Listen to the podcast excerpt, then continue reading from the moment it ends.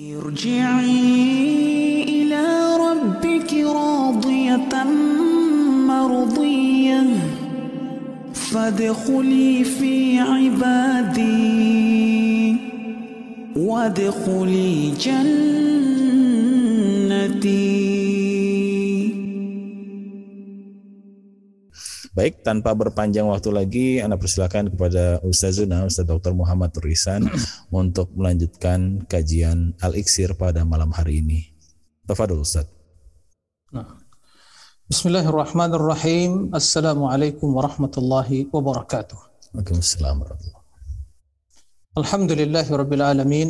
Wassalatu wassalamu ala ashrafil anbiya'i wal mursalin. نبينا محمد وعلى آله وصحبه أجمعين ومن تبعهم بإحسان إلى يوم الدين أما بعد Bapak Ibu sekalian, kaum muslimin dan muslimat yang semoga senantiasa dirahmati oleh Allah Subhanahu wa taala. Alhamdulillah puji dan syukur kita haturkan kehadirat Allah tabaraka wa taala yang senantiasa mencurahkan rahmat dan nikmatnya kepada kita semua terutama nikmat iman, nikmat Islam, dan yang lebih spesial, spesial lagi adalah nikmat menuntut ilmu agama di atas tuntunan Rasulullah atau di atas jalan sunnah. Ini nikmat yang spesial yang diberikan oleh Allah Subhanahu wa taala kepada hamba-hamba pilihannya terutama di zaman sekarang ini. Kemudian salat dan salam mari kita perbanyak ucapkan untuk Nabi yang mulia Nabi Muhammad sallallahu alaihi wasallam. Allahumma salli ala Muhammadin wa ala ali Muhammad. Bapak Ibu sekalian, barakallahu fikum jami'an. Semoga antum semua dalam keadaan sehat walafiat dan juga semoga senantiasa diberi kemudahan pertolongan oleh Allah Subhanahu wa taala untuk melaksanakan ubudiyah dan melaksanakan tugas masing-masing serta mengerjakan aktivitas harian dengan penuh kemudahan, keberkahan dan juga ya pertolongan dari Allah Subhanahu wa taala. Bapak Ibu sekalian, para pemirsa dan juga para pendengar di mana saja antum berada, kita melanjutkan pembahasan tentang amalul qulub amalan hati yang kita sadu dari kitab ringkasan Madarijus Salikin karya Imam Nuqayyim rahimahullah. Pembahasan sebelumnya seputar ya kandungan surat Al-Fatihah yang mencakup permasalahan-permasalahan yang mulia, ya, perkara-perkara yang agung yang menjelaskan akan jalan kebenaran dan hakikat petunjuk hidayah yang senantiasa kita butuhkan dalam setiap kondisi dan keadaan. Pada kesempatan kali ini kita melanjutkan ya, pembahasan dari kitab Al-Iksir ini yaitu ringkasan Madarjus Salikin masih berkaitan dengan kandungan surah Al-Fatihah. Tapi beliau berbicara dari sisi yang lain. Nah, jika pembahasan sebelumnya beliau menjelaskan tentang tingkatan hidayah, bagaimana ya surah Al-Fatihah menjelaskan tentang perkara-perkara yang agung, penetapan tentang hari berbangkit yaumul kiamah kemudian juga tentang nama Allah Allah Ar-Rabb Ar-Rahman yang ketiga nama tersebut merupakan ya nama yang mencakup seluruh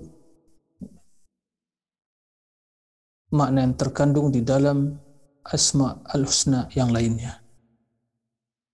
Beliau menyebutkan bahwa seluruh makna dari Asmaul Husna kembali kepada kandungan tiga makna yang mulia Allah, Ar-Rabb, Ar-Rahman. Kemudian bicara tentang masalah hidayah dan tingkatannya. serta ya kebutuhan seorang hamba kepada hidayah yang tentunya melebihi kebutuhan hamba tersebut kepada makanan dan minumannya. Nah, Kendati demikian, tapi kebanyakan manusia sungguh ya menyimpang dari jalan hidayah tersebut. Maka orang-orang yang diberi taufik dan bimbingan oleh Allah untuk senantiasa berjalan di atas siratal mustaqim ya dengan kondisi ya sedikitnya orang-orang yang mengikuti jalan tersebut maka jangan merasa bersedih jangan galau, ya. Jangan bimbang. Karena sesungguhnya sedikitnya orang-orang yang berjalan di atas siratul mustaqim, jalan kebenaran itu merupakan bukti kebenaran jalan yang diikuti. Karena pengikut kebenaran itu yang berada di atas petunjuk adalah manusia yang minoritas dalam sejarah perjalanan kehidupan manusia dari dahulu sampai sekarang. Kemudian Bapak Ibu sekalian, Imam Ibnu Qayyim melanjutkan ya penjelasan tentang isi kandungan dari surat Al-Fatihah. Yang dalam hal ini secara spesial beliau ya menjelaskan kandungan surat Al-Fatihah ya terhadap dua resep obat ya. Nah, yang pertama adalah obat penyakit hati dan yang kedua adalah obat penyakit fisik. Ya. Kata beliau, Imam Nuqayyim rahimahullah, ya. Dan judul yang ditulis oleh yang meringkas kitab Madarjus Salikin dan memberi judul Al-Iksir ya yaitu istimalul fatihati ala syifa'aini syifa'il qulubi wa syifa'il abdan. Ya kandungan surat Al-Fatihah terhadap dua dua obat dua resep obat yang menyembuhkan yaitu penyakit atau obat yang menyembuhkan penyakit hati dan yang kedua obat yang menyembuhkan penyakit fisik. Ya. Taib. Dan ini tentunya berkaitan juga dengan profesi Bapak Ibu sekalian. Ya. Yang Masya Allah diberi keahlian oleh Allah Subhanahu wa taala. Ya. Di dalam dunia medis dunia ya, yang berjuang juga untuk kemanusiaan. Semoga hal itu semua ikhlas karena Allah Subhanahu wa taala yang menjadi ibadah. Ya dan ini juga hal yang perlu kita ketahui. Dan bila bisa kita menggabungkan antara resep yang diberikan oleh Imam Ibnu Qayyim ini dengan resep yang mungkin Bapak pelajari, Bapak Ibu sekalian pelajari sesuai dengan filosofi masing-masing, insya Allah ini semakin ya menambah ya, kekuatan dan semakin menambah kualitas dari resep yang diberikan untuk kesembuhan penyakit ya para pasien. Baik. Kata Imam Ibnu rahimahullah, fa amma ihtimaluha ala. Adapun kandungan Al-Fatihah terhadap obat yang menyembuhkan penyakit hati, Fa'inna ijtamalat alaihi atam istimal. Sungguh surat yang mulia ini mencakup resep tersebut ya cangkupan yang sempurna, kandungan yang sempurna. Ya. Kemudian beliau menjelaskan kenapa surah Al-Fatihah ini mengandung resep yang sempurna ya terhadap obat ya penyakit jiwa. Mari kita jelaskan, eh, mari kita ya perhatikan penjelasan Imam Nuqayyim. I'tilalil qulub wa asqamiha ala aslaini. Fasadil ilmi wa fasadil qasdi. Ya. Sesungguhnya ya, sebab ya, sebab rusaknya hati dan sakitnya hati. Jadi penyebab penyakit berbagai penyakit ya merusak atau hati dan jiwa.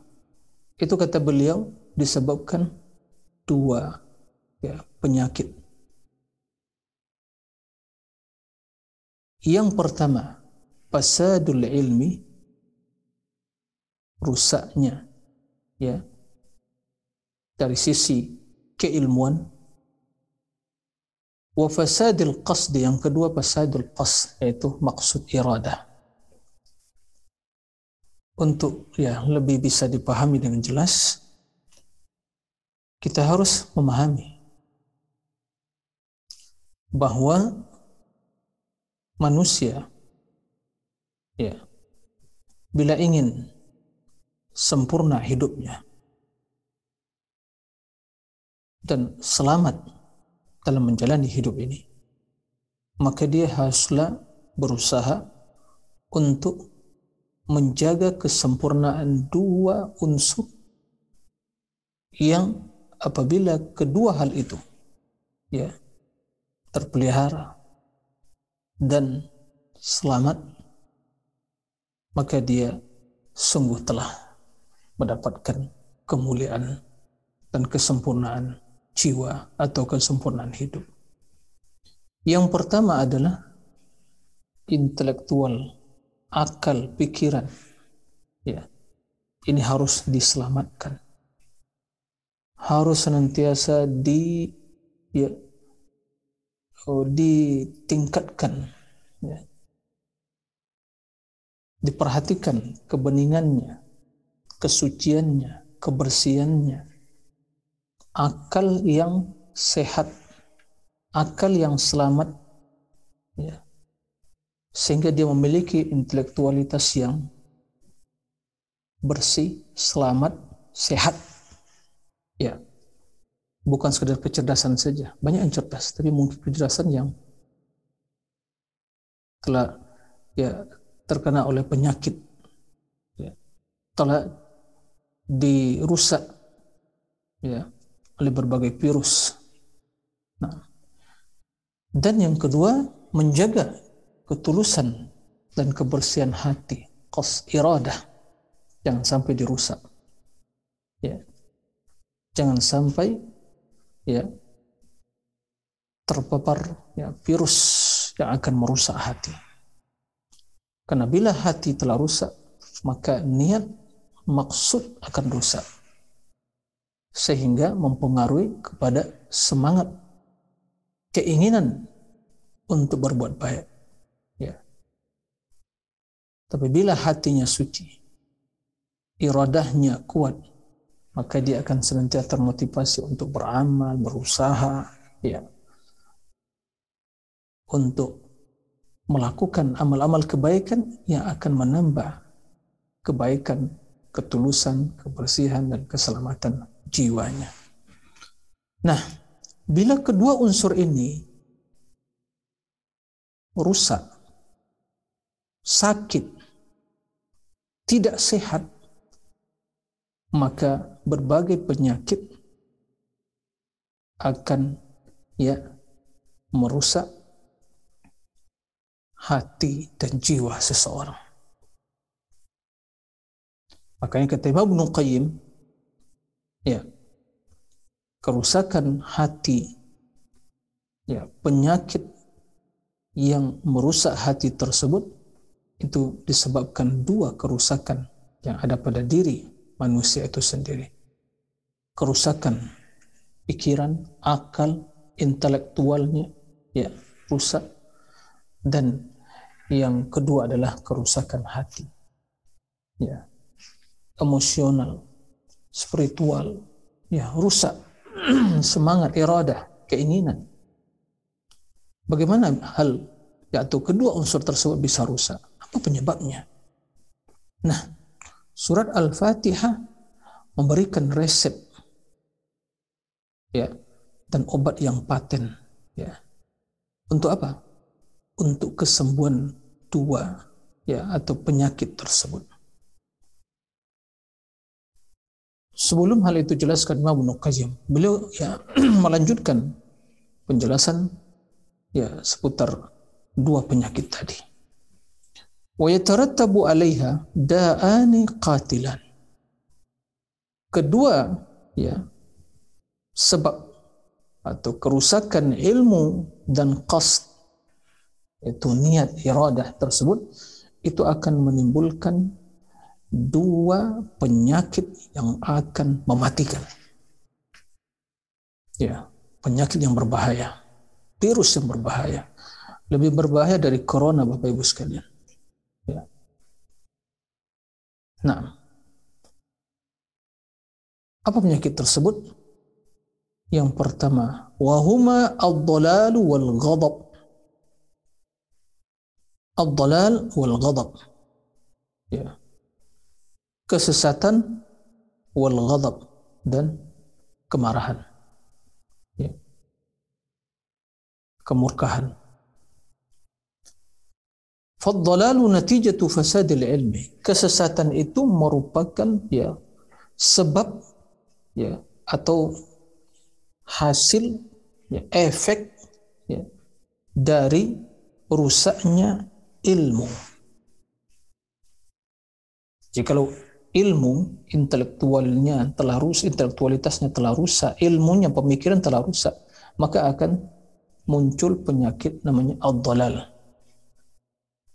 Nah, wal ghadab ya kemarahan, amarah ya adalah sebab atau muncul disebabkan oleh rusaknya al-qasdu.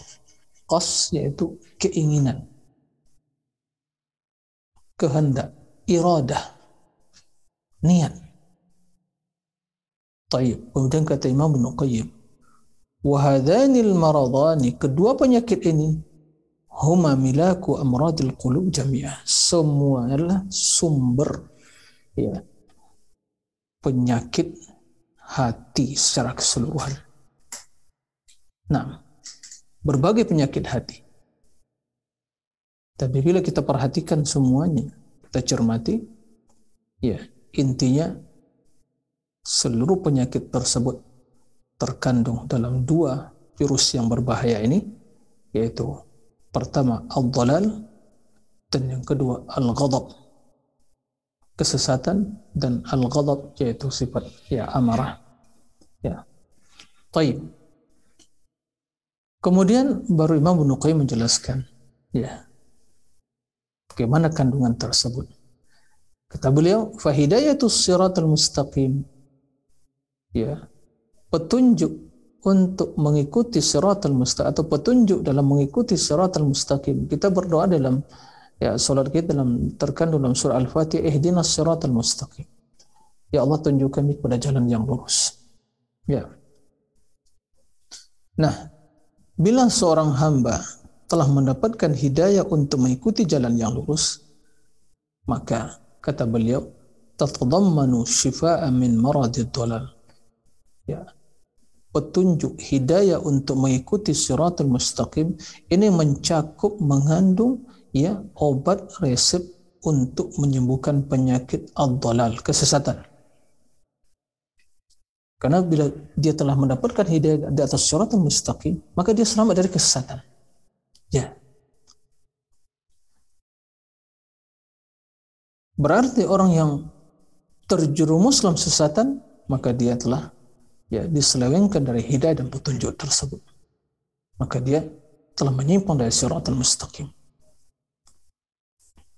Oleh karena itu, kata beliau, "Kana su'alu hadhihi hidayah afrada du'ain ala kulli abdin wa aujabahu alaihi kulla yaumin wa lailatin fi kulli salah.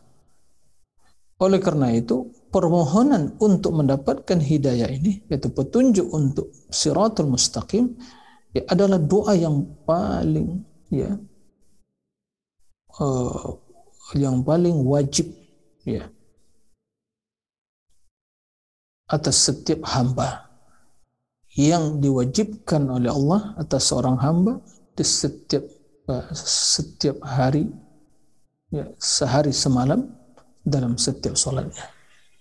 Nah, di siang hari kita sholat, malam hari kita sholat, dan di setiap rakaat kita membaca ihdinas siratal mustaqim. Bahkan membaca surah Al-Fatihah adalah rukun di dalam sholat. Tidak sah sholat kalau tidak membaca Al-Fatihah. Nabi mengatakan, La salata liman lam yaqra' bi fatihatil kitab. Tidak sah sholat seorang ya, bila tidak membaca Al-Fatihah. Ya, kenapa diwajibkan oleh Allah Subhanahu wa taala ya, kepada setiap hamba yang mendirikan salat li syiddati daruratihi wa faqati ila hidayatil matlubah. Kena ya kebutuhan hamba yang sangat darurat ya terhadap hidayah yang dipanjatkan atau hidayah yang dimohonkan kepada Allah Subhanahu wa taala.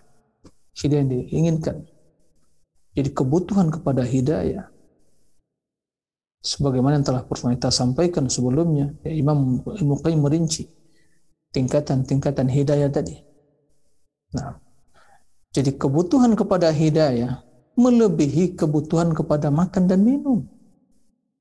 Hmm.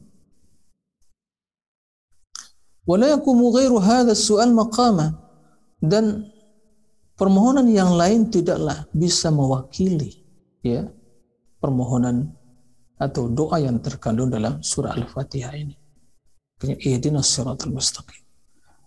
Oleh karena itu Bapak Ibu sekalian, ya, tatkala kita berdoa dalam solat tersebut dan membaca ayat atau surat Al-Fatihah, begitu kita ya sampai pada permohonan ihdinas siratal mustaqim, hendaknya makna yang seperti ini kita hadirkan dalam diri kita bukan sekedar ucapan di lisan, tapi hati memahami hakikat hidayah, kemudian juga hati memahami kebutuhan jiwa kepada hidayah. Jika Allah tidak memberikan hidayah kepada seorang hamba, dia akan sesat, akan menyimpang, akan celaka, akan binasa. Maka tiada jalan selamat kecuali ya mendapatkan bimbingan untuk hidayah tersebut yaitu pada siratal mustaqim. Makan dan minum ya. Jika ya seandainya seorang kelaparan ya, tidak mendapatkan makan dan minum dia masih bisa bertahan. Ya. Kendati mungkin dalam sebagian kondisi ya mungkin ya menyebabkan kematian dia karena mungkin kelaparan dan kehausan itu pun masih ringan dibandingkan dengan kematian hati yang akan menyebabkan kematian dan kesengsaraan selama-lamanya. Hidup di dunia, ya, tidak kekal. Berbagai sebab kematian, ada kelaparan mungkin,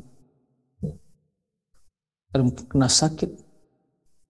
Semua hal itu akan mengakhiri, akan memisahkan seorang hamba dari dunia tempat tinggal sementara. Tapi bila dia beriman,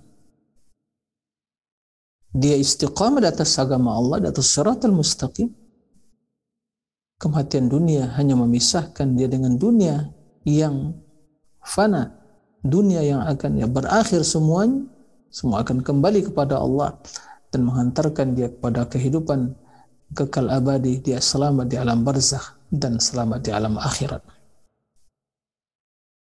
Hanya yang membedakan dengan yang lain adalah cepat dan lambatnya. Taib.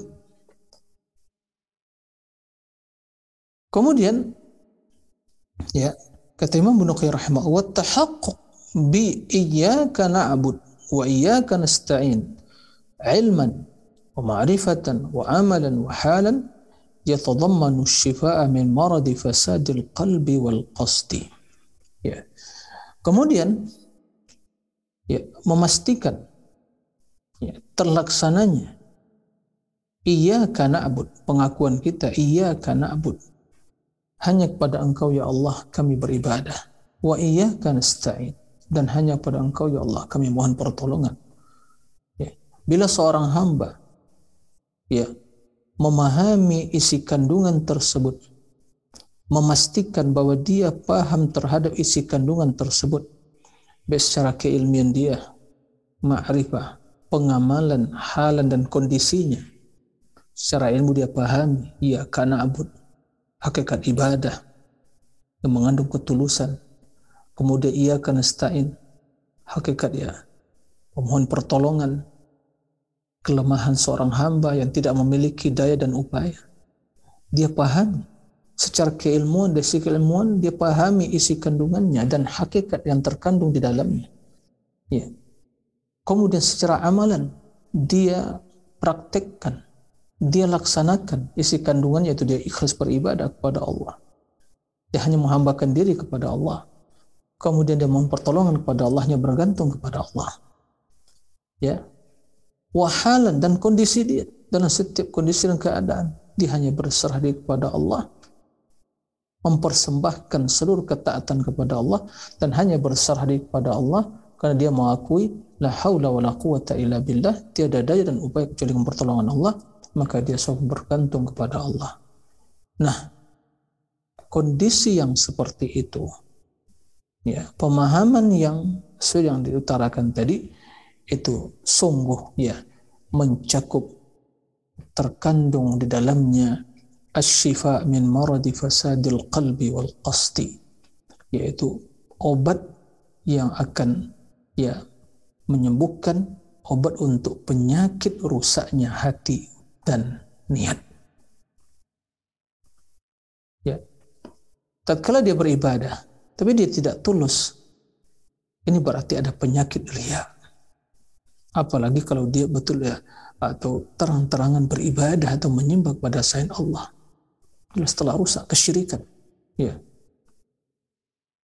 Tatkala dia masih ada dalam hatinya keyakinan bahwasanya Allah masih bisa memberikan mudarat dan manfaat sehingga dia mohon pertolongan lupa kepada Allah atau mungkin tidak tulus tawakalnya kepada Allah berarti bermasalah dari niat rusak ada kerusakan penyakit yang ada di dalam hati berarti bermasalah dalam iya karena stain jika kita mengatakan iya karena stain artinya apa ya Allah hanya kepada pertolongan kenapa pertolongan hanya kepada Allah Subhanahu wa taala karena kita tidak memiliki daya dan upaya.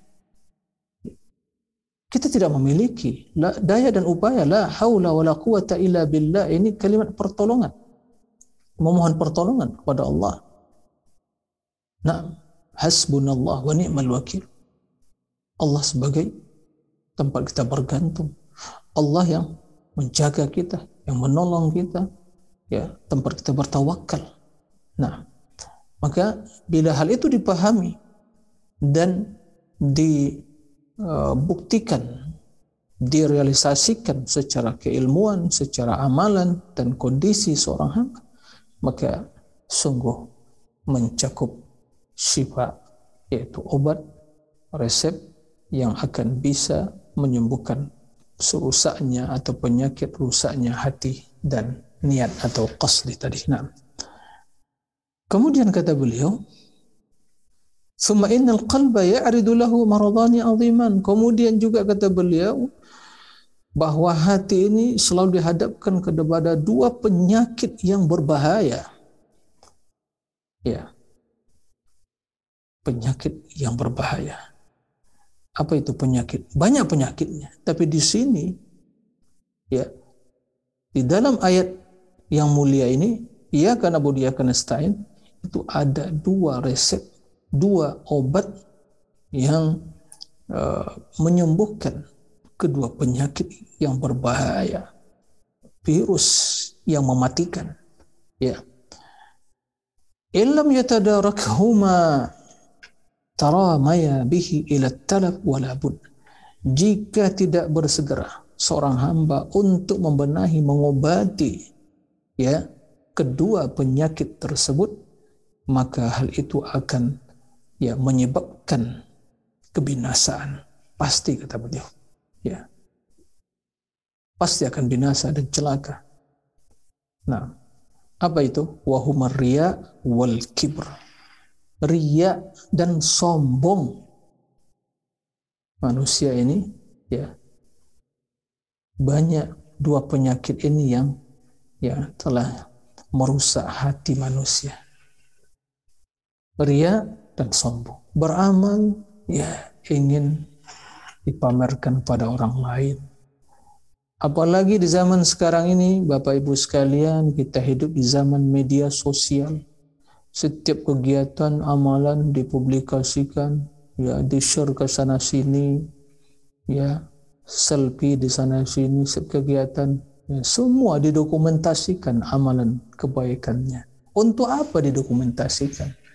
Khawatir kita akan hilang dalam catatan malaikat atau kita bangga untuk dilihat oleh orang dipamerkan, dipublikasikan. Itu yang kita inginkan.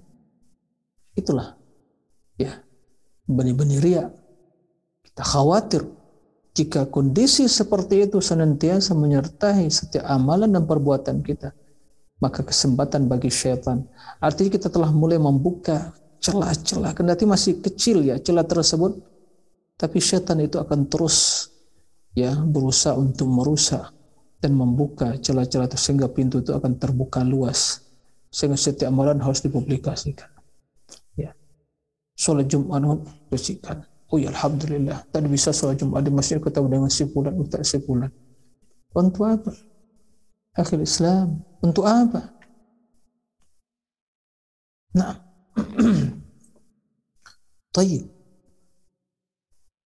Kemudian al-kibr, kesombongan.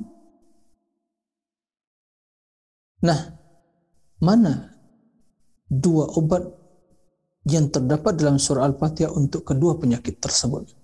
Mari kita perhatikan. Kata Imam Ibnu Qayyim, pedawa ria obat untuk menyembuhkan penyakit ria itu bi iya abud, yaitu iya abud. Yang artinya terjemahannya hanya kepada Engkau ya Allah kami beribadah. Berarti seluruh ibadah dan ketaatan hanya untuk Allah. Sebagaimana juga kita berikrar ya dan diperintahkan oleh Allah nabinya untuk mengatakan hal qul inna salati wa nusuki wa mahyaya wa mamati lillahi rabbil alamin. Ya salatku, pengorbananku, hidupku dan matiku lillah. Itulah iya na'bud. Nah, wa ma umiru illa liya'budullah mukhlishina lahuddin. Mereka tidak diperintahkan kecuali untuk mengikhlaskan ibadah kepada Allah dengan setulus-tulusnya. Maka dalam firman Allah iya karena abud itu ya mencakup mengandung obat dari penyakit untuk menyembuhkan penyakit ria yaitu keikhlasan. Nah, Kemudian wadawaul kibr obat untuk menyembuhkan penyakit al-kibir yaitu kesombongan wa iyyaka nasta'in. Kenapa demikian? Kenapa demikian? Tatkala kita mengatakan iyyaka nasta'in hanya kepada Engkau ya Allah kami memohon pertolongan ya Allah berikan pertolongan kepada kami. Ini mengandung pengakuan tentang kelemahan diri kita bahwa kita tidak memiliki daya dan upaya. Kita tidak mampu melakukan sesuatu yang kita inginkan jika tidak mendapatkan pertolongan dan kemudahan dari Allah. Artinya apa? Kita tidak memiliki sesuatu apa pun. Semua dengan izin Allah, semua dengan pertolongan Allah. Lalu apa yang harus kita sombongkan? Apa yang harus kita banggakan? Ya. Setinggi apa pun kedudukan kita. Sekaya apa pun harta simpanan kita. Setinggi apa pun ya tingkat atau istana, gedung bertingkat. Semewah apa pun mobil yang kita miliki. Seluas apa pun mungkin ya kebun yang kita miliki. Apakah semua hal itu bisa menyelamatkan kita? Apakah dengan hal seperti itu secara serta merta kita langsung bisa beramal? Tidak. Tapi banyak orang yang memiliki kekayaan yang kita sebutkan tadi, tapi dia tidak bisa beribadah. Tidak bisa maksimal ibadah. Bahkan dia disibukkan dengan kekayaan, kedudukannya. Maka manusia lemah, selemah-lemahnya. Bahkan semua yang didapatkan adalah karunia dari Allah. Berkat kemudahan dan pertolongan dari Allah. Sekecil apa pun. Ya ibadah yang ingin kita kerjakan. Maka tidak akan mungkin terlaksana kecuali dengan iya karena stain hanya kepada engkau ya. Lalu apa yang kita sombongkan? Apa yang kita banggakan? Ya, kita sombong, angku, bangga dan seterusnya. Ya, tidak pantas manusia yang diciptakan dari setetes mani, air mani yang hina. Kemudian juga bila dia mati akan menjadi bangkai, dikuburkan. Jika tidak dikuburkan, baunya sangat busuk akan mengganggu manusia yang hidup. Nah, kemudian kita diperhatikan juga perut kita isinya banyak kotoran. Ya, menjijikkan. Lalu apa yang kita banggakan? Maka bila kita memperhatikan iya karena stain, maka segala penyakit-penyakit kesombongan itu sirna dalam hati ini. Ya Allah, hambamu sangat lemah. Tiada daya dan upaya dengan pertolonganmu ya Allah. Bimbinglah, berilah pertolongan, berilah taufik dan hidayah. Hambamu tidak mampu ya Allah melakukan sesuatu apa pun kecuali dengan pertolonganmu ya Allah. La haula wa la quwata illa billah. Maka di sini kita memahami perintah Nabi sallallahu alaihi wasallam. Ya, idza sa'alta fas'al la yusta'anta fasta'in billah. Wasir kepada Ibnu Abbas. Kalau kamu memohon, mohon kepada Allah. Jika kamu mohon pertolongan, minta pertolongan kepada Allah. Begitu juga kata Nabi SAW, ihris ala ma yanfa wasta'in billah. Bersungguh-sungguh melakukan kebaikan untuk dirimu kemaslahatan dirimu dan jangan lupa mohon pertolongan kepada Allah. Begitu juga wasiat Rasul kepada Muad bin Jabal radhiyallahu anhu, jangan lupa wahai Muad setiap penghujung salatmu mengucapkan doa Allahumma a'inni ala dzikrika wa syukrika wa husni Ya Allah, berilah aku pertolongan, kemudahan untuk berzikir agar bisa menggerakkan lisan ini berzikir kepada Allah agar tidak kaku banyak semua yang bisa berbicara memilih lisan. Tapi banyak yang tidak bisa menggunakan lisan ini untuk berzikir dan baca Al-Quran. Faktanya seperti itu. Nah, lalu siapa yang memberikan pertolongan, mudahan? Allah, Rabbul Izzati wal Jalal. Ikhwatal iman, Bapak Ibu sekalian yang mulia Allah Subhanahu wa taala. Jadi ia stain akan menghancurkan, akan menyembuhkan segala kesombongan. Ya, noda-noda kesombongan, virus-virus kesombongan yang ada di dalam hati. Sebagaimana ia karena akan ya mengobati segala bentuk ya penyakit yang berkaitan dengan ria. Ya, dia akan tulus ikhlas beribadah kepada Allah Subhanahu wa taala. Nah, Kemudian Imam Ibn Qayyim menjelaskan, wa kathirun ma kuntu asma' Syekh al-Islam Ibn Taimiyah qaddasallahu ruh. Sering kali aku mendengar guruku yaitu Syekhul Islam Ibn Taimiyah. Semoga Allah sucikan jiwanya, rohnya. Apa yang didengar oleh beliau dari sang guru? Yaqul, ya. Itu Syekhul Islam sering berkata dan itu sendiri didengar oleh Imam Ibnu Qayyim. Ini sebagai pertanda bahwa Imam Ibnu Qayyim termasuk murid ya senior Imam Ibnu Taimiyah, Syekhul Islam Taimiyah. Dan untaian-untaian nasihat dan mutiara hikmah ya, tentunya banyak beliau dengar dari gurunya yaitu Syekhul Islam Ibn Taimiyah rahimahullah yang sangat dibenci ya oleh orang-orang yang jauh dari sunnah Nabi dan mereka yang terkontaminasi oleh pemikiran-pemikiran ahlul kalam. Ya. Apa kata Syekhul Islam Ibnu Taimiyah? Ya. Iyyaka na'bud tadfa'u. Firman Allah iyyaka na'bud. Ya Allah hanya pada Engkau kami beribadah ya Allah. Kata beliau ini akan menghilangkan ya akan mengusir akan menghilangkan yang namanya ar-riya penyakit riya. Wa bi iyyaka nasta'in tadfa'u al-kibriya. tadfa'u al-kibriya. Iyyaka nasta'in akan menolak akan membersihkan ya akan menepis yang yang namanya penyakit kibria yaitu kesombongan. Iyyaka na'bud tadfa'ur riya wa iyyaka nasta'in tadfa'ul kibriya.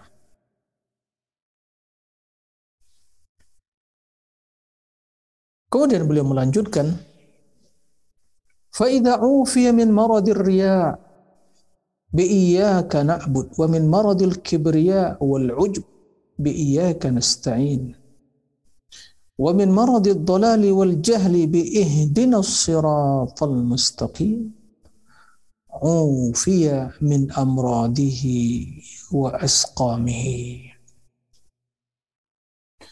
apabila seorang hamba selamat ya berada dalam afiat selamat dan afiat ya diselamatkan dari penyakit riya dengan iya karena abud itu resepnya iya karena abud wa min maradil kibriya wal ujub dari penyakit kesombongan dan ujub dengan iya karena itu resepnya wa min maradid dolali wal jahli dari penyakit kesesatan dan kejahilan.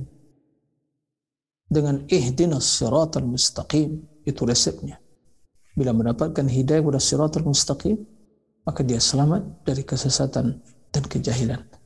Aufiya min amradihi wa asqami sungguh dia telah selamat dan sehat dari berbagai penyakit-penyakitnya ya. Dari virus-virus yang ada ya, pada dirinya warafala fi aswabil afiyah. Maka dia akan ya berada di dalam ya pakaian keselamatan. Ya. wa tamat alaihi ni'mah dan sempurnalah nikmat baginya. Wa kana minal mun'ami alaihim. Maka dia termasuk ke dalam golongan orang-orang yang mendapatkan nikmat. Mari perhatikan ya ayat surah al-fatihah Alhamdulillahirabbil telah jelaskan. Ar-Rahman Ar-Rahim Maliki Yawmiddin. Ada Allah Ar-Rabb Ar-Rahman. Ini tiga asmaul husna tempat kembali seluruh makna asmaul husna yang lainnya. Ya. Juga dalam terdapat penjelasan tentang ma'ad. Karena Malik Yawmiddin. Kemudian Iyyaka na'bud Ya. Wa iyyaka nasta'in. Yang di dalam iyyaka na'bud terdapat obat atau resep untuk menyembuhkan penyakit hati yang berbahaya virus yang akan mematikan hati yaitu riya. Yang menjadikan amalan ya, tidak berguna, tidak ada nilainya karena Allah tidak menerima amalannya orang-orang yang riya. Wa iyyaka nasta'in akan menyelamatkan seorang hamba dari penyakit kesombongan. Ya dan ujub kesombongan itu hanya sifat Allah. Dan sebagai disebutkan ya, al-kibriya'u ridai wal azamatu izari. Jadi keduanya pakaian Allah. Ya. Sifat bagi Allah itu maksudnya. Diumpamakan di sini ya dengan selendang dengan juga izar yaitu kain Nah, bila hal itu telah terlaksana, maka setelah itu diucapkan kita memohon ihdinas siratal mustaqim. Ya kana wa kana nasta'in ihdinas siratal mustaqim. Ya Allah, tunjuki kami kepada jalan yang lurus. Jalan siapa? Jalan yang lurus itu. Disebutkan. Siratal ladzina an'amta alaihim jalan orang-orang yang engkau beri nikmat ya Allah. Siapa mereka? Bapak Ibu sekalian rahimakumullah. Siapa mereka? Jalan orang-orang yang mendapatkan nikmat itu. Apakah kita telah masuk ke dalam termasuk ke dalam jalan tersebut? Ya. Di dalam surah An-Nisa dijelaskan oleh Allah Subhanahu wa taala Qala subhanahu mayuti'ir rasulah mayuti'illaha war rasul mayuti'illaha war rasul barang siapa yang taat kepada Allah dan rasulnya. faulaika maka mereka itulah. ma'alladzina an'ama Allah alaihim minan nabiyyin wasiddiqin wasyuhada wassalihin nih empat golongan. Mereka lah orang-orang yang akan bersama para nabi para siddiqin, para syuhada was-salihin. Itu orang-orang yang mendapatkan nikmat. Karena mereka telah berada di atas keikhlasan dalam beribadah, tawakal, ketulusan, mohon pertolongan jauh dari sifat kesombongan, keangkuhan, ujub, dan mereka berada di atas petunjuk hidayah, syaratan mustaqim, maka sempurna nikmat bagi mereka. Mereka lah para nabi, orang siddiqin, para syuhada, para solehin. Nah, kemudian juga dia selamat dari jalan orang-orang yang dimurkai oleh Allah Subhanahu wa taala. Siapa mereka yang dimurkai oleh Allah Subhanahu wa taala? Yaitu mereka adalah orang-orang yang fasadun fil qalbi, fasadul qasti. Wahum ahlu fasadil qasti. Mereka yang telah rusak qas niatnya. Bukan tidak berilmu, dia berilmu tapi tidak mengamalkan ilmunya. Kenapa? Karena rusak hatinya. Dia cerdas. Ya, cerdas. Tapi hatinya ya rusak. Hatinya ternodai dengan berbagai noda-noda ya penyakit hati yang merusak hati tersebut. Nah, siapa mereka? Alladzina araful haqqa wa adalu anhu mereka mengenal kebenaran tapi menyimpang, ya, meninggalkan kebenaran tadi. Siapa mereka? Mereka adalah orang-orang Yahud, orang Yahudi. Itu sifat mereka yang mendominasi, mendominasi sifat mereka. Dia mengenal kebenaran. Dia membaca dalam Taurat akan datang Nabi di akhir zaman. Mengetahui sifat-sifatnya. Tapi mereka sembunyikan. Begitu diutus Rasul, ya Bahkan mereka mengancam dahulu orang-orang Arab, jika seandainya diutus Rasul akhir zaman, kami akan perangi kalian, akan kami bunuh kalian. Tapi begitu Rasul diutus dari kalangan Arab, Quraisy, mereka apa? Hasad, dengki. Bahkan mereka mengetahui Nabi sebagai mengetahui anak-anak mereka. Ya'rifunahu kama ya'rifuna abnahum. Ya, mereka mengetahui Nabi. Bagaimana sifat-sifatnya sebagian mereka mengetahui anak mereka sendiri. Tapi begitu datang Nabi membawa kebenaran, bukan dari kelompok mereka, mereka tinggalkan, mereka berpaling dari kebenaran. Mereka tidak amalkan ilmu yang mereka dapatkan yang terdapat dalam Taurat tersebut. Maka kenapa? Maka tidak amalkan karena rusak. Hati mereka penuh dengan kedengkian, ya kebencian. Itu sifat Yahudi. Maka kita ya pantas kita mendengar mereka itu ya orang cerdas-cerdas. Otaknya. Tapi kecerdasan mereka digunakan untuk merusak dunia dan alam ini. Ya. Apa yang terjadi? Nah, nah sangat disayangkan konsep hidup keilmuan yang seperti itu itu banyak diadopsi oleh orang-orang yang hanya perhatian terhadap sisi keilmian saja, tapi tidak memperhatikan sisi amalan. Terutama di kalangan kaum liberal, kaum sekuler yang tentunya berguru kepada kaum-kaum orientalis. Ya. Terlebih kata mereka yang mempelajari studi Islam di barat sana.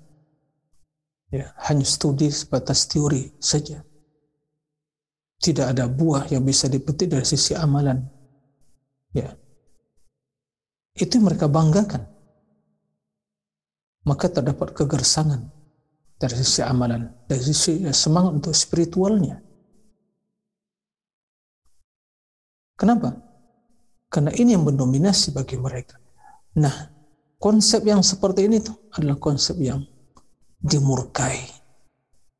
Konsep yang menyimpang dari jalan orang-orang yang mendapatkan petunjuk dan hidayah yang mendapatkan nikmat tadi. Nah, jadi orang-orang yang mun'am alaihim selamat dari sisi amalan dan sampai sisi keilmuan. Kemudian walad ya bukan jalan orang yang sesat. Mereka mendapatkan nikmat ya bukan jalan orang yang dimurkai. Yaitu mereka yang rusak hatinya, yang rusak jiwanya, yang rusak ya qas iradahnya. Sehingga tidak ada semangat untuk melakukan melaksanakan kebenaran tadi, hanya mengetahui saja. Maka Bapak Ibu sekalian, jika ada di kalangan umat ini ya, hanya semangat untuk ya mengetahui ilmu, belajar ilmu, hanya sebatas untuk mengetahui sebuah teori keilmuan, itu yang dibangga-banggakan. Hanya sebatas masalah penelitian, riset, penelitian, riset, kan begitu. Itu yang dikejar, itu yang dicari. Apalagi mungkin dalam dunia akademik, dia harus menulis artikel dan seterusnya. Harus ya sampai pada ya uh, jurnal-jurnal internasional, Scopus dan yang lain-lainnya seperti itu. Itu toh yang diperhatikan, kepangkatan, ya. Dan juga melewati jenjang karir-karir akademiknya sampai ke profesor dan yang lainnya. Itu diperhatikan. Nah, tapi tidak ada semangat untuk beramal. Ya ini konsep Yahudi dalam berilmu. Ya. Apalagi bila pakar-pakar yang seperti itu atau mungkin mereka para pesan seperti itu telah ya terkontaminasi dengan pemikiran liberal dan sekuler. Ya. Dari sisi keilmuan yang dipelajari, ilmu yang juga ya dalam tanda kutip ilmu warisan kaum filsafat pada ahlul kalam guru-guru dari Yahudi, Nasrani, orang-orang talis. Itu mereka katakan studi Islam tentang Islam. Teori-teori mereka gunakan untuk mengkaji Islam, ilmu Islam. Nah tapi tidak ada semangat untuk beramal. Dan dari sisi lain kita mendapatkan fenomena di kehidupan manusia. Mereka yang sesat. Berarti mereka tidak mendapatkan nikmat. Ya. Sesat. Siapa mereka? Fasadun fil ilmi, rusak ilmunya. Dia tidak memiliki ilmu. Semangat beramal. Alladzina jahilul haqq lam ya'rifuh. Mereka yang tidak yang jahil terhadap kebenaran tidak mengetahuinya. Dia punya semangat. Semangat untuk beramal. Niat untuk beramal. Niat baik. Saya ikhlas kok. Kan begitu. Banyak kita menolak, ikhlas. Saya ikhlas beramal. Saya enggak boleh. Ikhlas. Semangat beramal. Tapi dia jahil terhadap al-haq. Tidak mengetahui sumber amalan tersebut. Hanya ikut-ikutan tradisi, budaya. Dan ini mendominasi konsep pola hidup pengamalan kaum tradisional yang mereka jauh dari ilmu. Yang tadi para para intelektual yang ini tradisional. Ya. Nah yang mun'am alaihim yang mendapatkan nikmat tadi yang mereka selamat dari kedua konsep pola hidup atau dalam sisi keilmuan dan juga pengamalan tadi. Mereka yang berilmu ya'riful haq dan mengamalkannya. Itulah orang mendapatkan nikmat tadi. Mereka selamat dari jalan kaum Yahudi yang hanya perhatian konsen dalam masalah ilmiah, tapi tidak ada pengamalan, rusak pengamalan mereka, dan selamat dari pola hidup konsep ya ibadah. Orang-orang yang tersesat yang mereka punya semangat untuk beramal tapi tidak mengetahui dalil landasan dari amalan tersebut. Maka amalannya sesat. Maka al-mun'am alaihim yang mendapatkan nikmat mereka yang mengetahui kebenaran dan yang mengamalkannya. Siapa mereka? Kalangan para nabi, orang-orang siddiqin, para syuhada, para salihin. wa hasuna ulaika rafiqa. Itulah teman pendamping hidup yang terbaik. Ini yang harus kita ikuti. Ini jalan yang benar. Jadi Bapak Ibu sekalian, rahimakumullah. Surah Al-Fatihah luar biasa ya. Kalau kita renung hayati. Itu konsep hidup kita. Pedoman hidup. Memberikan kepada kita juga pola hidup yang menyimpang. Dan juga uh, pengamalan semangat spiritual juga menyimpang. Dan kedua hal itu terdapat. Kita lihat, kita saksikan. Yang mendominasi dunia akademisi, ya konsepnya orang-orang yang hanya fokus dalam hal-hal keilmian. Ya. Tapi tidak semangat untuk beramal. Yang kita lihat dalam kehidupan kaum tradisional, mereka semangat beramal tapi tanpa ilmu. Mari tanya, apa landasannya? Ya udah, nenek moyang, tradisi, budaya. Maka ya amalannya menyimpang. Banyak amalan yang khurafat, hal-hal yang beda dilakukan. Kan tidak punya ilmu. Sementara kalau perhatikan kehidupan para ulama Rabbaniyin, para imam-imam ahli sunnah, imam-imam dalam Islam panutan umat ini, kita mendapatkan Bapak Ibu sekalian, bahwa mereka selalu menggabungkan antara keilmuan dan pengamalan. Semangat untuk terus mengenal kebenaran dan juga semangat untuk mengamalkan kebenaran itu. Maka tidak heran kalau kita membaca, silakan Bapak Ibu sekalian membaca biografi para ulama-ulama kita. Akan senantiasa didapatkan dalam biografi ya kehidupan mereka gabungan antara dua sifat ini. Alim yang berilmu, kemudian al-wara' taqi, abid. Wara' taqwa dan ahli ibadah. Akhlak yang mulia. Ya, begitu. Kenapa demikian? Karena mereka memahami konsep ilmu yang benar itu, ilmu yang sesungguhnya itu bukannya sekedar memperkaya khazanah ilmiah kita, wawasan keilmuan, ya, mempertajam, ya, uh, intelektual. Seseorang memperkaya khazanah ilmiahnya. Tapi yang ilmu yang sesungguhnya al khasyah buah dari ilmu adalah al khasyah nama yakshallah min ibadil ulama. Nah Bapak Ibu sekalian rahimakumullah ya itu yang maksud dari perkataan Imam Ibnu Qayyim rahimahullah Taib, uh, kita lanjutkan ya seperempat jam lagi nanti atau 10 menit lagi nanti kita buka sesi tanya jawab. Itu penjelasan tentang obat penyakit hati, jiwa tadi. Amma tadammunuh li syifa'il abdan. Adapun ya, kandungan surah Al-Fatihah terhadap resep ya, obat penyakit badan, penyakit fisik, maka Hafiz sahih dalam sahih ini dalam Sahih Bukhari dan Muslim ya dari hadis Abil Mutawakkil al an Abi Sa'id al-Khudri. Jadi sahabat Abi Sa'id al-Khudri meriwayatkan anna nasan min ashabin Nabi SAW marru bi hayyin bin al-Arab bahwa sebagai sekelompok dari para sahabat Nabi ya, mereka melewati dalam satu perjalanan mereka melewati salah satu kampung dari kampung-kampung Arab ya. Yuqruha dan mereka ya tidak menyambut ya, kedatangan para sahabat tersebut tidak memuliakan walam yudayyifuha dan tidak menyambut ya, mereka sebagai tamu ya. Ya begitu bakhilnya ya Faludugha Sayyidul Hayy. Tiba-tiba ya kepala suku mereka digigit ya disengat oleh kalajengking ya. Fa'atauhum lalu ya sakit dan tidak mendapatkan obatnya resepnya ya. Kemudian mereka bertanya kepada para sahabat tadi apakah kalian memiliki obat?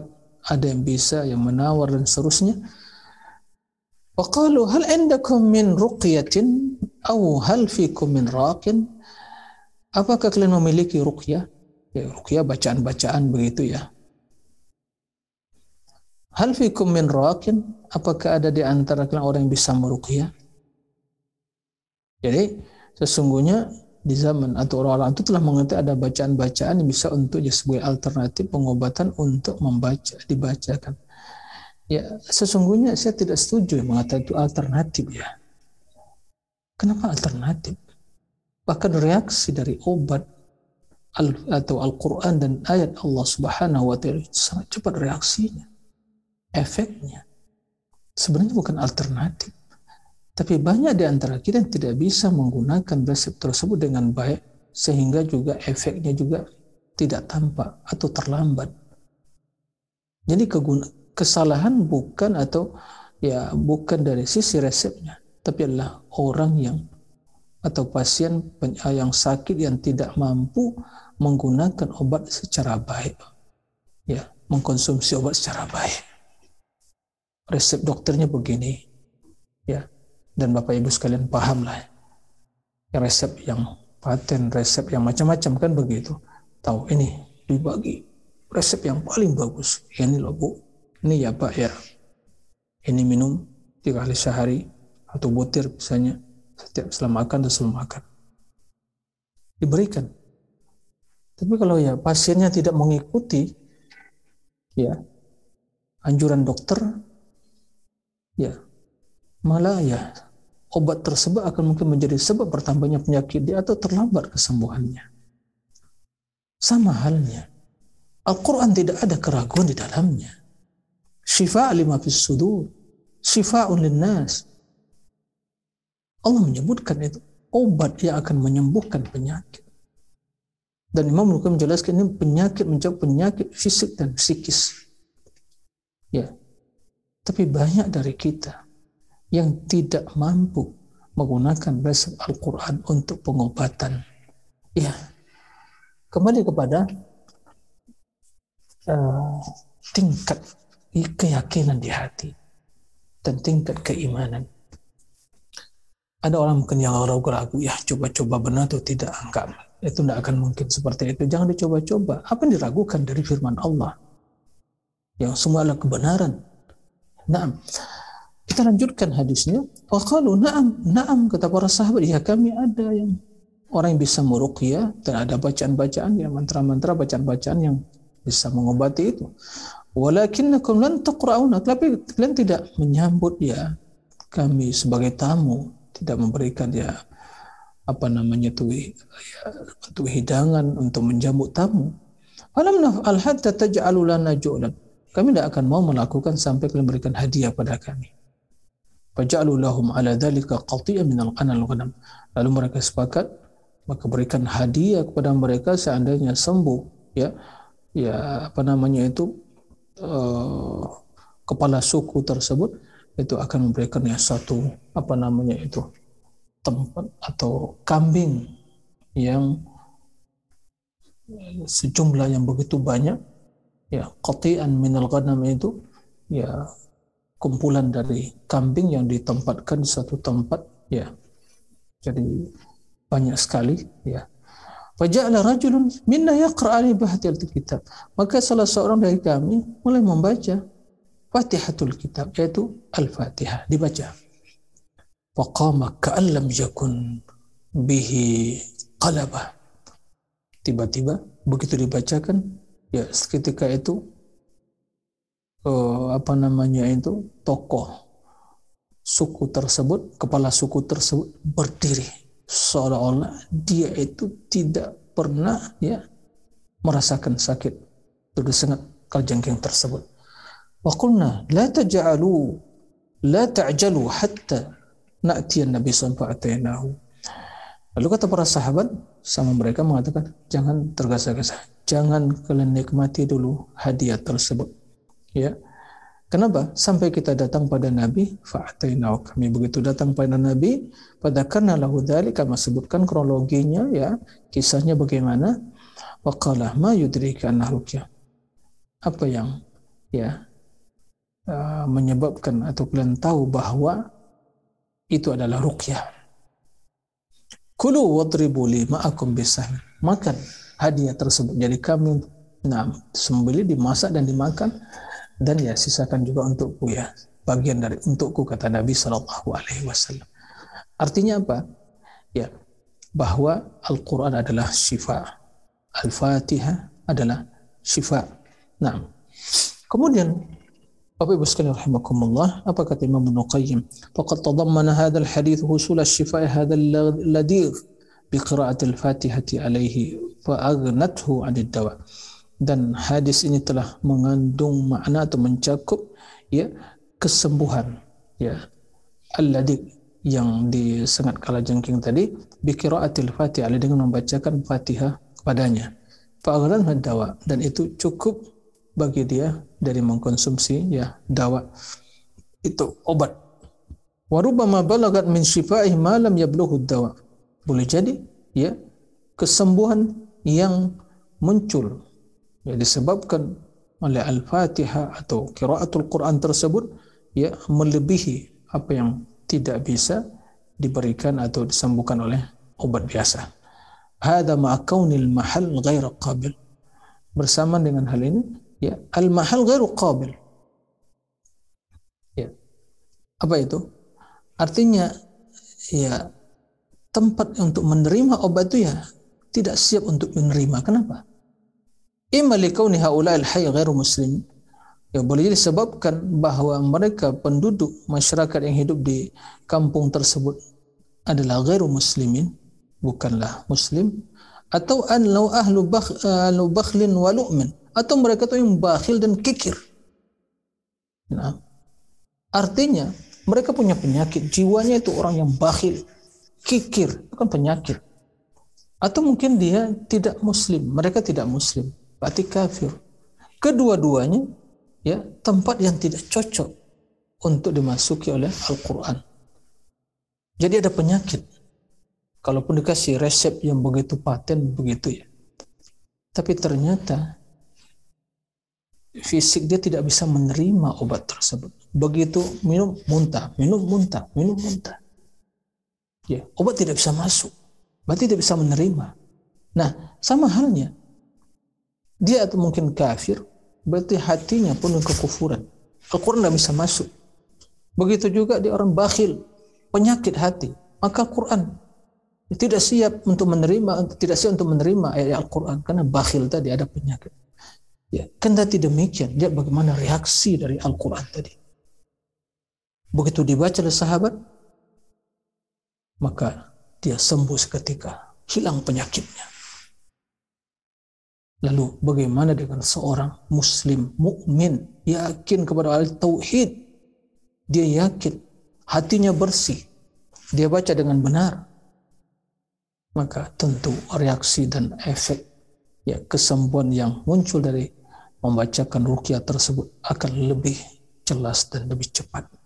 Nah, tapi permasalahan tadi ya, permasalahan adalah kita banyak tidak bisa, tidak pandai menggunakan resep yang Allah turunkan tersebut. Baik. Kemudian uh, kata Imam Ibnu Qayyim persaksian ya mungkin tajarib amma syaratu tajarib bidzalik adapun ya Eh, persaksian orang-orang yang pernah ya melakukan hal itu terjadi mungkin ya pengalaman orang-orang yang merasakan kesembuhan disebabkan ya membaca merukyah ya dengan apa sarana rukyah pengobatan yang secara rukyah itu kata beliau bahwa aksar banyak sekali ya pengalaman persaksian orang yang merasakan atau uh, melakukan hal itu. Wadhalika fi kulli zaman, na'am, setiap waktu. Kemudian beliau Imam Qayyim menyebutkan pengalaman pribadi beliau. Subhanallah. Pengalaman pribadi Imam Ibnu. Ya. Kata beliau, "Waqad jarratu ana min dzalika bi nafsi wa fi ghairi umuran ajima." Dan saya telah mencoba hal itu kata Imam Ibnu Qayyim fi nafsi untuk diriku atau untuk orang lain dan aku melihat ya reaksi atau perkara yang yang sangat menakjubkan. La siyama muddatan muqam bi Makkah azallahu ta'ala. Terlebih lagi tatkala aku ya berdomisili di Mekah. Ya, beliau ya lama berdomisili di Mekah. Dahulu ya tradisi para ulama mereka datang dari ya, dari Basrah, dari Syam, ya Beliau dari Syam datang ke Mekah untuk apa? Etika di sana beribadah, ya. Menemui para ulama. Nah, selama beliau berdomisili di Mekah, apa yang beliau lakukan? Fa'innahu kana ya'dilu alamun muzijah. Ya, saya juga merasakan sakit yang begitu sakit. Ya. Penyakit yang menimpa diri beliau. Beliau rasakan. Dan itu sangat mengganggu ketenang, ketenangan beliau. Ya. Bihait takadu taqta'ul haraka minni. Yang sampai-sampai terkadang ya hampir-hampir itu saya tidak bisa bergerak.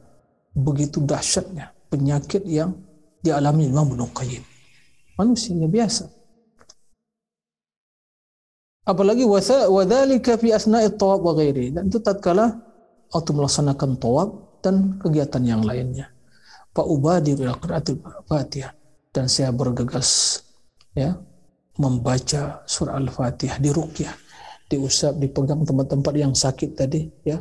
Apalagi mungkin ya disertai dengan minum air zam-zam kan begitu. Wa amsahu biha ala mahallil alam fa hasatun tasqut. Aku pegang ya di, di apa diusap tempat-tempat yang sakit. Nah ini pengalaman pelajaran bagi kita resep ini resep baru nih ya bagaimana pengalaman Imam Ibnu Qayyim ya jadi tempat-tempat yang sakit tadi diusap sambil dibaca Al-Fatihah. Ya, sekali, dua kali itu diulang tidak ada masalah.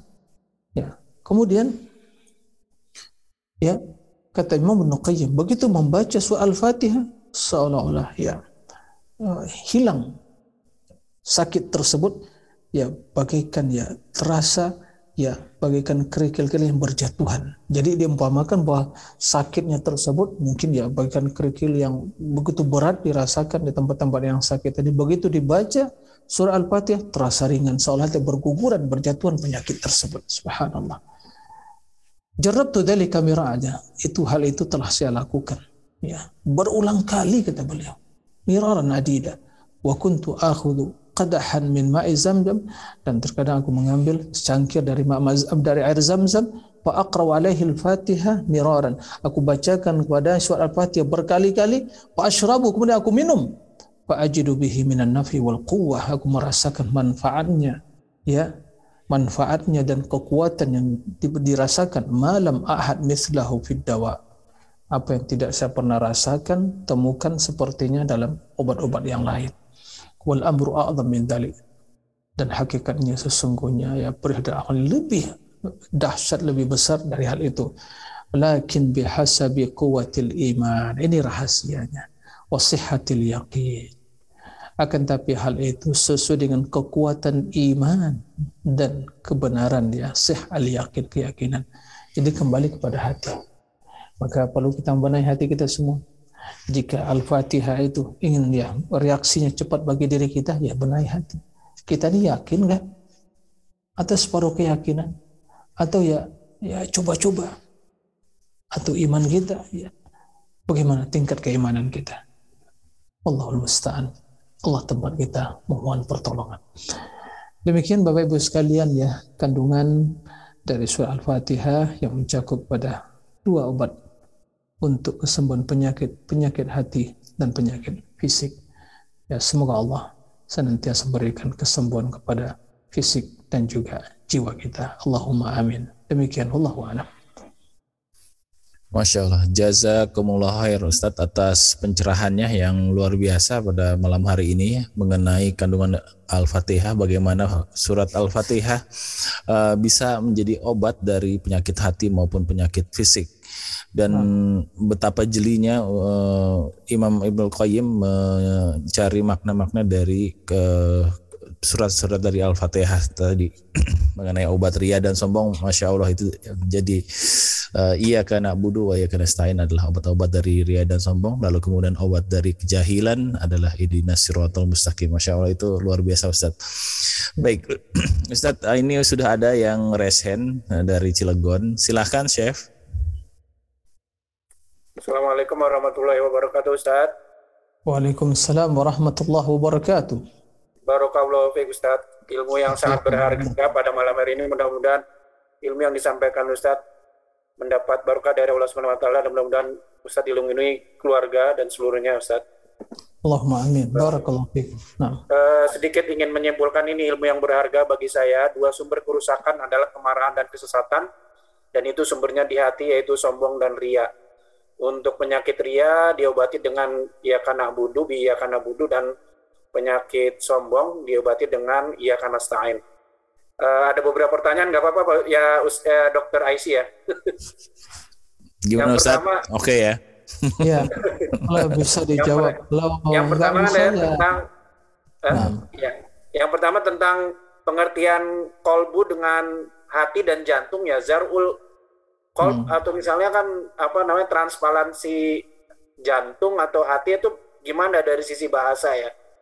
Yang kedua eh, bagaimana hadis tentang eh, la tagdob walakal jannah Eh, apa janganlah kau marah maka bagimu surga.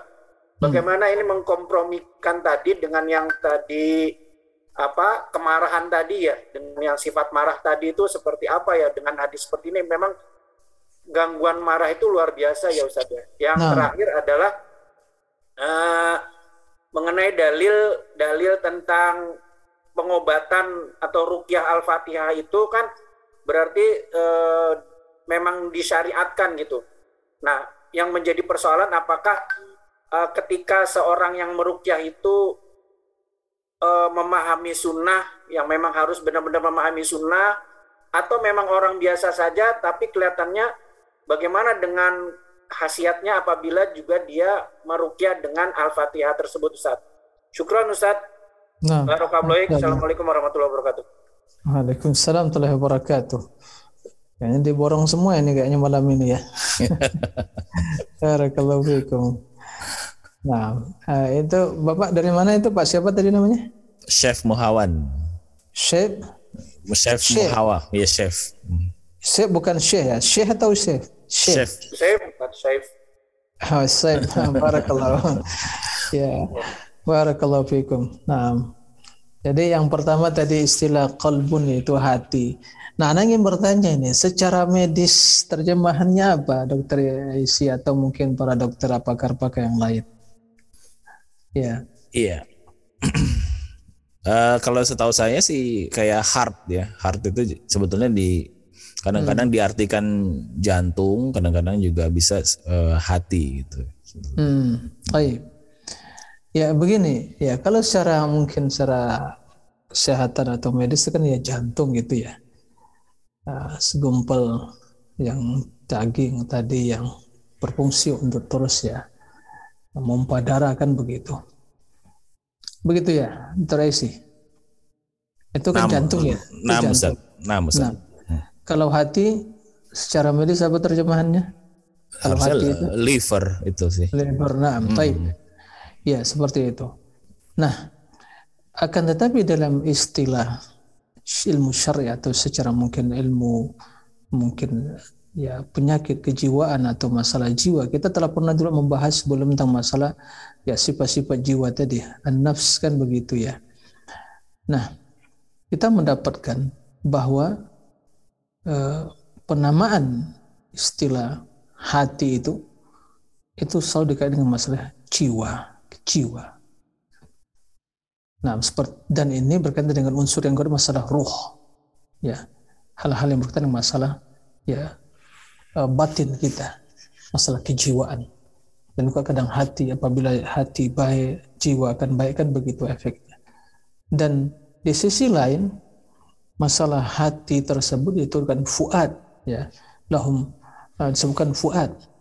Itu juga sering diartikan dipahami itu berkaitan dengan masalah ya pemikiran akal. Dan tidak diragukan bahwa uh, hubungan antara akal dan hati itu sangat erat sekali. Sehingga apa yang dipahami oleh akal akan juga ya uh, diyakini kebenaran oleh hati tadi sehingga bila keyakinan itu benar akan melahirkan ya apa namanya itu amalan yang benar dan keinginan yang baik tadi. Nah seperti itu. Maka eh, emang ya tidak bisa juga ya secara mungkin apa nama digeneralkan kalau memang ya atau bisa disamakan. Karena permasalahan di dunia medis itu lebih banyak tentang masalah ya fisik itu sendiri. Kan begitu fisik. Ya seperti itu.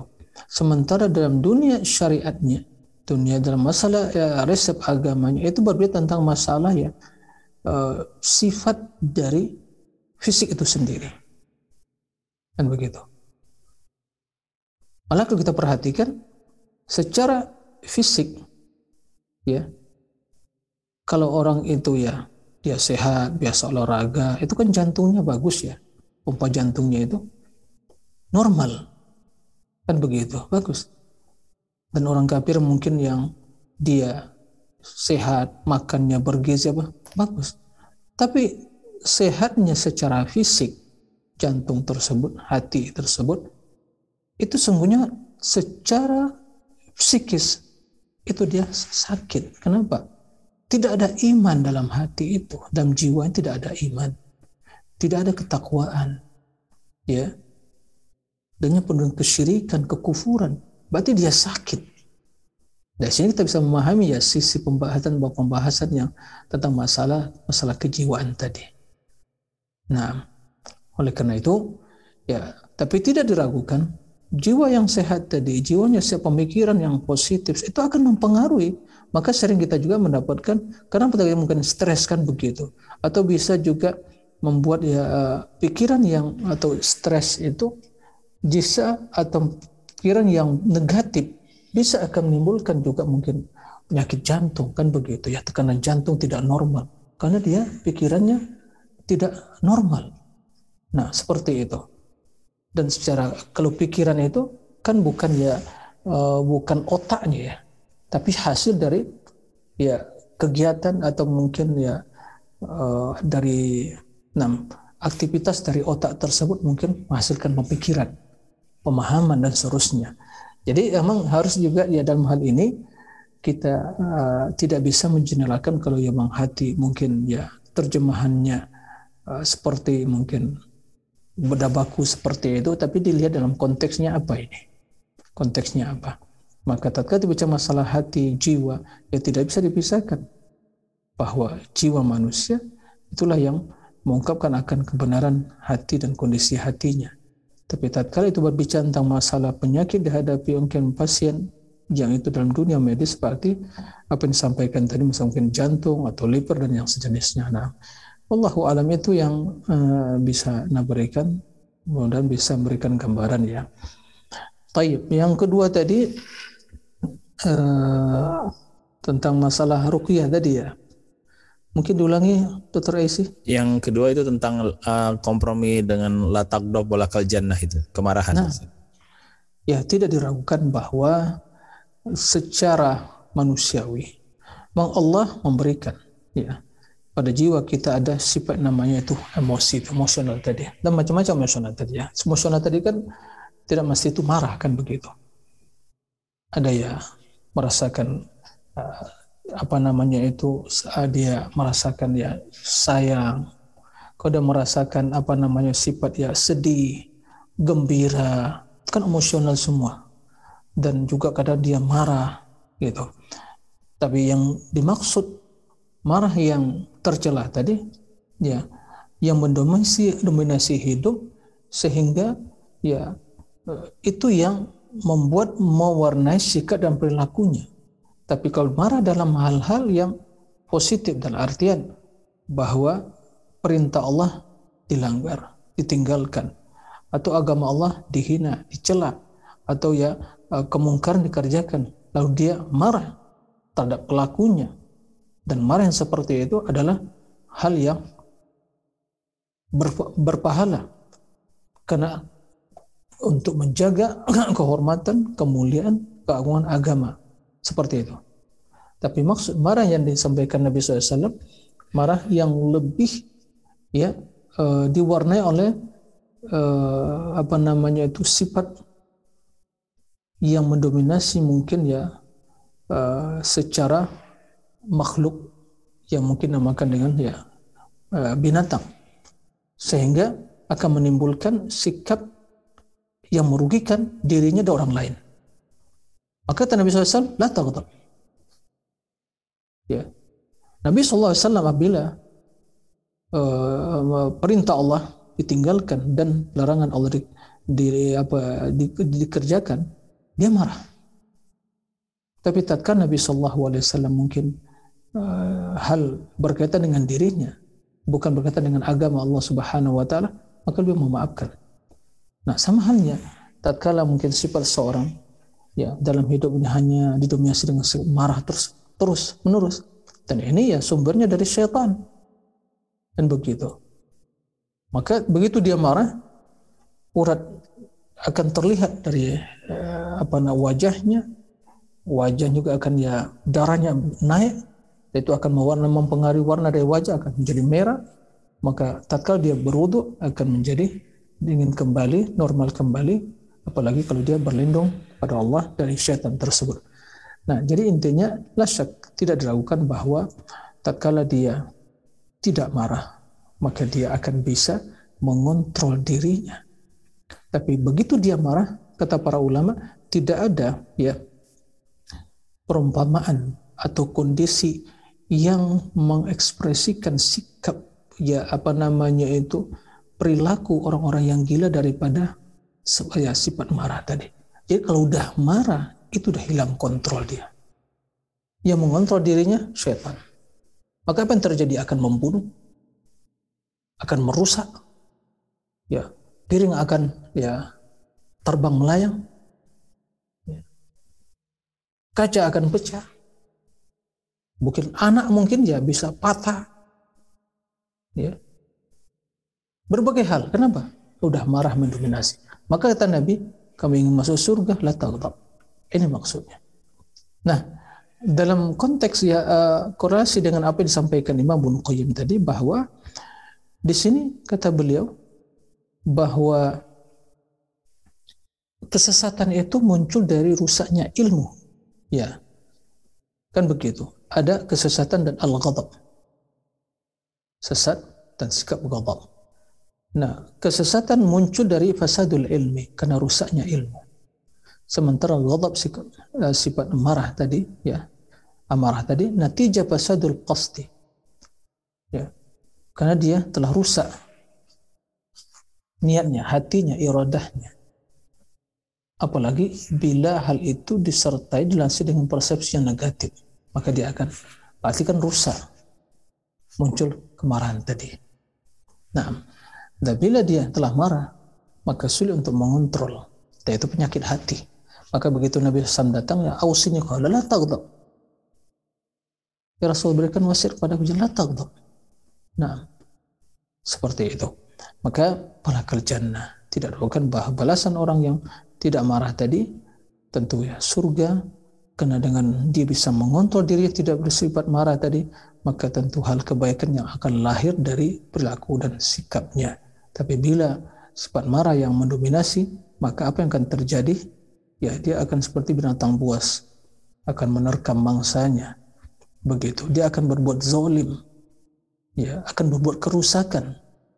Maka begitu dia marah kalau seandainya dia itu ya di tangannya ada sesuatu maka letakkan. Jika dia berdiri duduk. Jika duduk dia berbaring. Kenapa?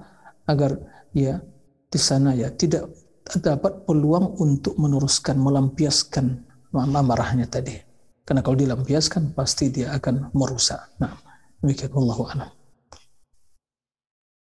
Ya. Baik, yang ketiga tadi tentang rukyah Ustadz, apakah harus dilakukan oleh seorang yang sudah mengenal sunnah atau bisa kita sendiri? Ya, tadi Imam Ibnu menjelaskan ya di ujung perkataan beliau, walakin bihasabi quwwatil iman wa sihatil yaqin. Jadi pengaruh dari rukyah tadi atau reaksi ya reaksi dari rukyah bacaan itu tergantung pada kekuatan iman dan sihatil yakin. Dan tidak diragukan orang yang ya kendati pandai baca Al-Quran, pandai baca Al-Fatihah, apalagi setiap hari kerjanya Al-Fatihah, kan itu Al-Fatihah, kan begitu. Pasti dia bisa baca Al-Fatihah. Betul nggak? Iya, benar, ya. Baca Al-Fatihah. Tapi apakah cukup dengan seperti itu? Sementara kerjanya, perbuatannya ya suka yang khurafat, yang beda, yang nggak ada sumbernya. Itu akan mempengaruhi iman. Maka kekuatan iman akan dipengaruhi dengan ya keikhlasan dan pengetahuan yang benar dan juga semangat dalam mengikuti tuntunan Rasul SAW maka iman semakin kuat ya hatinya bersih tapi ya udah keseringan udah lebih doyan melakukan hal-hal yang beda khurafat ya akan mempengaruhi iman maka di antara penyakit pernah kita sampaikan ada lima penyakit berbahaya ya kan yang akan menodai hati yang pertama syirik yang kedua, bid'ah. Yang ketiga, maksiat. Yang keempat, kelalaian, ghaflah. Yang kelima, ikuti hawa nafsu. Maka bila dia melakukan bid'ah, jahil melakukan, maka akan mempengaruhi imannya, akan ternodai. Nah, bila hati ternodai, udah akan mengurangi kekuatan dan akan juga ya menodai kebeningan hati tadi. Yakin begitu juga. Nah, oleh karena itu memang ya kalau bisa ya kita cari orang yang betul-betul ya dia punya ilmu dan soleh ya seperti itu dan memiliki juga ya uh, apa namanya itu pengalaman dalam hal ini dan uh, mengetahui sunnah Nabi Shallallahu Alaihi Wasallam. Nah demikian Allah. Masya Allah, jazakallah khair Ustaz. Ini ada yang resen lagi. Ya, kita beralih nih Ustaz nih dari tadi Cilegon sekarang ke Australia nih Ustaz. Silakan Dokter Dia. Masya Allah. Assalamualaikum warahmatullahi wabarakatuh Pak Ustadz. Waalaikumsalam warahmatullahi wabarakatuh. Nah. Ya izin bertanya, ini saya pernah mendengar Pak Ustadz ada orang yang mengatakan kalau kita itu tidak boleh minta di rukiah atau hmm. uh, kita jadi kita harus merukiah diri kita sendiri Yeah. Kecuali kecuali kalau orang itu tidak mampu.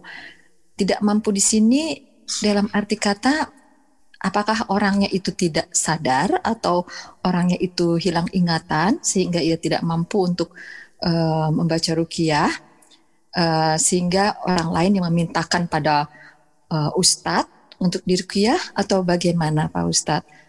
Uh, jasa uh, khair Pak Ustadz. Nah, Baik, terima kasih kepada Ibu yang bertanya ya dari Australia. Barakallahu fiqh. Atas pertanyaan tentang masalah ruqyah. Ya. E, perlu diketahui hukum asal ruqyah itu ya diperbolehkan. Kendati yang lebih utama tidak minta diruqyah. Yeah. Seperti itu. Karena sebagaimana yang dijelaskan dalam hadis bahwa sifat ya 70 golongan yang masuk surga tanpa dihisap dan diazab itu adalah mereka layas tarkun tidak minta dirukyah ya. kan begitu walayak tahun dan juga tidak uh, menggunakan pengobatan dengan ya, metode apa besi panas kan begitu yang ma'ruf di kalangan orang Arab yang namanya kai layak tahun ya. nah semua itu kembali kepada apa? Sifat tawakal mereka kepada Allah wa ala rabbihim yatawakkalun. Nah, ini intinya. Jadi karena mereka bertawakal kepada Allah dan meyakini bahwa kesembuhan itu datang ya hanya dengan izin Allah, Allah tempat berlindung, Allah tempat bergantung. Fa idza maridtu fa huwa yashfini. Apabila aku sakit, Allah yang akan menyembuhkanku dan tingkat tawakalnya sehingga dia tidak melirik kepada satupun dari uh, pertolongan atau mungkin usaha dari manusia maka dia tawakal kepada Allah ya memohon kesembuhan tadi ya. ini menunjukkan tingkat tawakalnya. Maka orang yang seperti itu tingkat tauhidnya luar biasa. Nah makanya balasannya masuk surga tanpa dihisap. Tapi tidak semua tingkat keimanan dan tauhid mana kaum muslim ini seperti itu. Maka hmm. barang siapa yang uh, ingin atau diruqyah boleh. Tapi bukan hal yang haram. Dan Terlebih lagi kalau tidak diminta, kita ingin berbuat baik kepada saudara kita, kita melihat sakit dia. Dia tidak mampu, mungkin keterbatasan kayak pengalaman juga atau mungkin ilmu dia atau mungkin seperti itu juga sadar diri kan begitu. Kita ingin memberikan kebaikan. Kata Nabi, "Man istata'a yaf'al." Ya, jika seorang mampu untuk memberikan kebaikan dan manfaat misalnya mau saudaranya silakan, maka boleh kita meruqyah yang meruqyah. Baik kita langsung yang mau kuliah, ruqyah, atau mungkin orang lain meminta kepada kita untuk meruqyah saudara kita kan mungkin dia tidak sadari seperti yang disampaikan ibu tadi ya mm-hmm. atau mungkin dia tidak mampu Nah, tapi tidak diragukan jika kita mampu untuk merukyah mandiri diri kita sendiri dan terus membiasakan memohon pertolongan kepada Allah, terus ditanamkan dalam diri keyakinan, diperkuat terus keimanannya, ditingkatkan keimanannya, itu yang lebih utama. Jadi kesimpulannya boleh merukyah dan boleh juga meminta rukyah, tapi yang lebih utama kita tidak minta dirukyah tapi berusaha untuk merukyah diri sendiri dan meningkatkan takwal, uh, tawakal dan keimanan kita kepada Allah Subhanahu wa taala. Wallahu alam. Nah. Kalau pakai maaf Pak Ustadz, kalau pakai itu uh, dengar rukiah uh, di YouTube atau di uh, eh, HP gitu boleh nggak Pak Ustadz? Artinya kita membaca, mendengar gitu? Iya, uh, mendengarkan murotal rukiah dan di rekaman ya. Di rekaman, oh, ya. Rekaman. Jadi Al-Quran hmm. itu dibacakan ya. Ya, di telinga. Allah menurut saya ya karena uh, kita yang merasakan hal itu yang berusaha untuk membaca dan ya mengusap diri sendiri kan begitu di antaranya pengalaman Imam Ibnu Qayyim tadi jadi tempat-tempat yang sakit tadi diusap dipegang kemudian sambil membaca kan begitu okay. begitu juga begitu membaca uh, minum air ya kalau memang di Mekah ada zam-zam ya kalau tidak ada zam-zam ya air biasa kita bacakan begitu berulang kali kata Imam berulang kali jarab tu dzalika miraran wa qara'tu alaihi miraran. Jadi diulang, berulang-ulang. Ya, sekali dibaca terus ini pengalaman Imam Ibnu Qayyim ya bisa kita terapkan, bisa praktekkan. Mungkin para dokter juga mungkin ya Ibu sekalian yang punya ya para dokter semua jadi bisa juga mungkin memberikan hal itu sambil dia memberikan resep kepada pasiennya mungkin dia bisa hmm. mungkin dia ambil kondisi yang begitu genting dan lain mungkin bisa ambil air mungkin dibacakan diminumkan atau menyampaikan hal yang seperti ini pada mereka mudah-mudahan ini hal yang menjadi ya uh, amal atau ilmu yang bermanfaat bagi mereka. Naam. Allahu Ya, terima kasih. Terima kasih Pak okay. Ustadz. Sekali lagi. Masya Allah. Jazakallah khair Ustadz atas jawabannya. Uh, Ustadz, uh, Ana baru tanya nih mengenai yang hadis di yang dinukil di, dari kitab ini uh, yang diriwayatkan oleh Bukhari wa Muslim tentang hmm. rukyah dari sahabat itu Ustaz. Iya. Nah, pada saat uh, di di matan hadis itu kan pada saat uh, sahabat ditanya apakah di antara kamu ada yang merukyah dia mereka bilang naam dan mereka menawarkan uh, al-fatihah tapi begitu di akhir uh, mereka me bertanya lagi kepada Rasulullah Sallallahu Alaihi Wasallam tentang hal tersebut dan Rasulullah seakan-akan e, bertanya kepada mereka bagaimana kalian tahu bahwa Al-Fatihah itu adalah sebuah rukyah gitu Ustaz. Nah. Ber, apakah ini artinya sahabat pada saat dia menjawab pertanyaan dari ke kepala suku tersebut mereka sebetulnya belum diajarkan oleh Nabi tentang hal apa Al-Fatihah menjadi rukyah atau gimana Ustaz? Iya, uh, terima kasih. Masya Allah. Pertanyaannya jeli sekali ya. Barakallahu fikum. Tapi uh, sebenarnya tidak seperti itu. Karena para sahabat, para sahabat, ya, sungguh telah memaklumi bahwa Al-Quran ini syifa. Kan begitu. Wa nunazzilu minal Qur'ani ma huwa syifa'un wa rahmah. Dan ayat disebutkan bahwa Al-Quran ini syifa. Dan mereka mengetahui bagaimana keutamaan Al-Fatihah. Ya, a'zamu suaril Quran. Kan begitu bahwa surat yang paling utama, yang paling agung adalah Al-Fatihah. Maka sungguh sangat tepat tatkala mereka memilih membaca ayat yang paling agung untuk meruqyah atau membaca tadi, pengobatan tadi. Maka pilihan mereka tepat.